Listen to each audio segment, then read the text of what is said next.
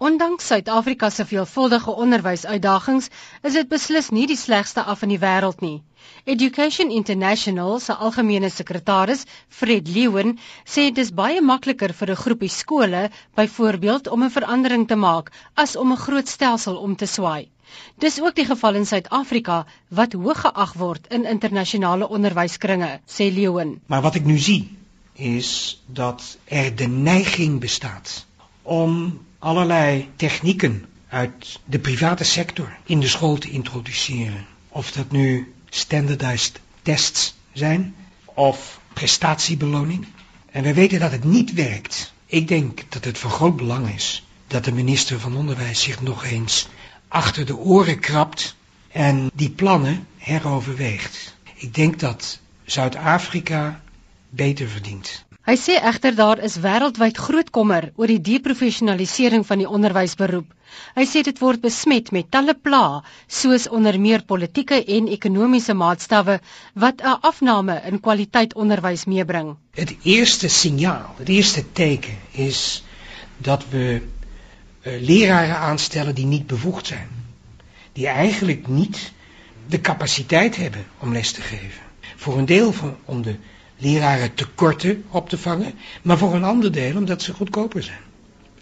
Een, een tweede teken van deprofessionalisering is dat een leraar wordt gezien als iets tijdelijks. Studenten bijvoorbeeld, die gaan één of twee jaar voor de klas staan. They move on to greener pastures. Dat is een hele gevaarlijke ontwikkeling. Wetenschappelijk onderzoek heeft uitgewezen dat als je je onderwijzersopleiding hebt voltooid, dat pas na 10.000 uur actief voor de klas, je kunt zeggen dat je een ervaren leerkracht bent.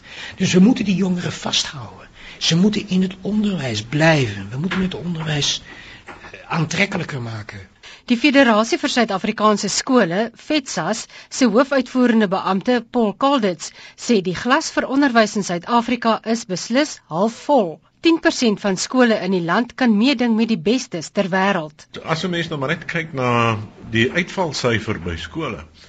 Uh sit jy in in, in Amerika byvoorbeeld met die situasie dat in hoërskole 11000 kinders per dag uit die hoërskole uitval wat nie hoërskool klaar maak nie. So in baie opsigte is, is Suid-Afrika nie uniek nie.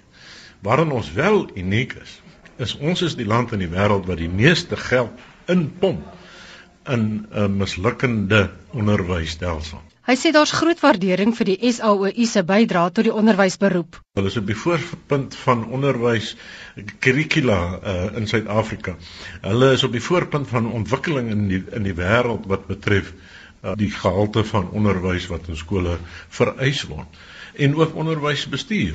Maar daar's ook vakbonde in Suid-Afrika wat 'n baie baie destruktiewe rol speel en as ons nou kyk byvoorbeeld na die Oos-Kaap, na wat in Noord-Kaap aan die gang is en wat in Limpopo aan die gang is, dan speel 'n vakbond so SADU 'n baie destruktiewe en ontwrigtende rol in onderwys. Leeuwen sê dat alles in die klaskamer nie altyd gemeet kan word nie. Als zo'n kind in contact komt met de creatieve verbeelding van een onderwijzer, dan gebeurt er een wonder. Dan gaat dat kind leren. Maar zo'n wonder, zo'n mirakel, dat kun je niet meten.